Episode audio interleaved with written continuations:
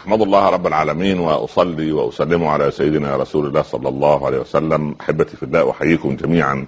بتحية الإسلام فالسلام عليكم ورحمة الله تعالى وبركاته. وبعد كل بني آدم خطاء وخير الخطائين التوابون.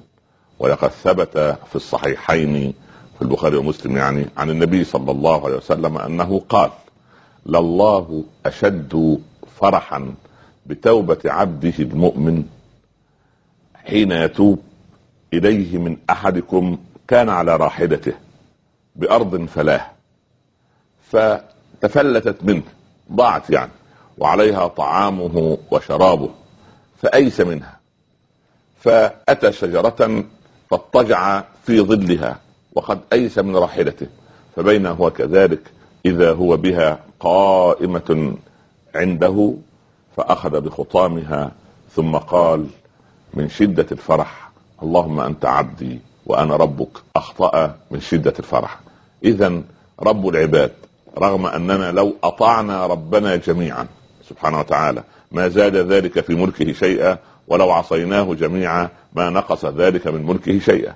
وابن القيم يقص حكاية لطيفة عن أحد العارفين كيف عرف الأوبة إلى الله عز وجل. قال رأيت مرة أن طفلا فتح باب معين صبي صغير فتح باب وطرد من داخل هذا الباب وأمه تجري خلفه تطرده حتى خرج ثم أغلقت الباب في وجهه. وجلس الطفل بعيدا يبكي ثم جاء آه، يعني يقف متفكرا أين يذهب؟ أين يعني إلى أين يأوي؟ فعاد إلى عتبة دار أمه مرة أخرى حزينا فوضع خده على عتبة الدار يبكي وغلبه النعاس فنام. خرجت أمه فلما رأته على هذه الحال قالت بعد أن رمت نفسها عليه آه يعني تقبله وتبكي تقول أين تذهب عني؟ ومن يؤويك سواي؟ ألم أقل لك ألا تخالفني ولا تعصيني؟ وأنك لا تحملني بمعصيتك أن يعني أطردك بعيدا عني؟ ولله المثل الأعلى هكذا رب العباد سبحانه وتعالى عندما يتوب العبد إليه عز وجل عندئذ يقف على باب الله باكيا ضارعا متذللا. والعبد منا عندما يصاب أو يبتلى بمعصية سواء بمعصية من معاصي القلوب أو من معاصي الجوارح ما عليه إلا أن يسارع ويعود سريعا سبحان الله. لماذا؟ لأن إذا كانت الأم صنعت بولدها هذا ورحمة الأم صنعت بابنها هذا فما بالك برب العباد سبحانه وتعالى وهو أرحم بنا من آبائنا وأمهاتنا؟ يا ابن آدم لو بلغت ذنوبك عنان السماء ثم جئتني لا تشرك بي شيئا جئتك بقرابها مغفرة. وما يزال العبد يذنب ويذنب ويذنب ولكنه يستغفر ويتوب ويعود ويؤوب إلى رب العباد عز وجل عندئذ الله سبحانه وتعالى يقبله. بل ليس هكذا فحسب أبدا. إنما يستبدل العبد بدل السيئات التي صنعها حسنات. فيتطلع العبد إلى فضل الله يعني يذنب ثم يتوب فالله عز وجل يمحو له سيئاته ويذنب مكانها حسنات. أولئك الذين يبدل الله سيئاتهم حسنات هذا من كرم الله سبحانه وتعالى. ثم الله عز وجل يستر على العبد عندما يتوب عليه. يستر عليك كيف؟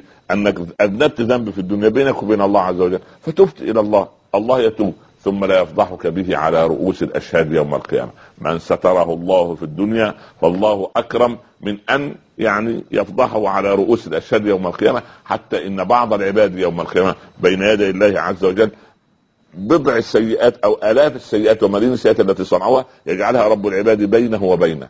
أما الجهة الأخرى من الكتاب الذي وكل إنسان ألزمناه طائره في عنقه هذا في الجهة الأخرى بضع من حسنات بسيطة جعلها رب العباد بينه وبين الناس أهل المحشر. أما السيئات سترها الله عليه في الدنيا وستره أيضا عليه ستر عليه في الآخرة. فكان أبو بكر يقول اللهم يا من سترت في الدنيا لا تفضح على رؤوس الأشهاد يوم القيامة.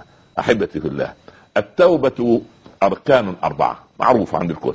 أنت الآن في أيام طيبة تريد أن تتوب وكلنا أصحاب ذنوب كلنا مبتلى كل واحد فيه مصيبة شكل إما معاصي الجوارح النظر إلى ما حرم الله الغيبة نميمه القذف السب الفحش سبحان الله ثم الاستماع إلى الخنا أو الفسوق أو أو مد اليد إلى ما حرم الله أو الذهاب بالقدم إلى أماكن لا ترضي رب العباد عز وجل.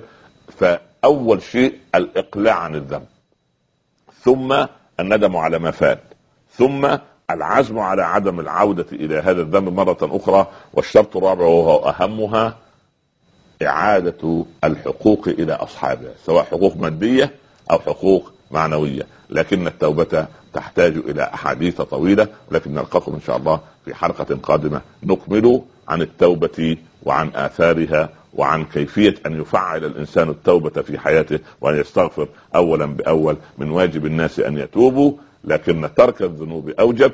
فأن نترك الذنوب هذا هو الأوجب ولكن إن أذنبنا علينا أن نسرع لنستغفر لأن المسارعة شرط لقبول التوبة إن شاء الله. اللهم اجعلنا من المسارعين إلى مرضاتك يا رب العالمين وتب علينا من صغير الذنوب وكبيرها إنك على ما تشاء قدير. وصلى الله على سيدنا محمد وعلى آله وصحبه وسلم يا ربي تسليما كثيرا. والسلام عليكم ورحمة الله تعالى وبركاته.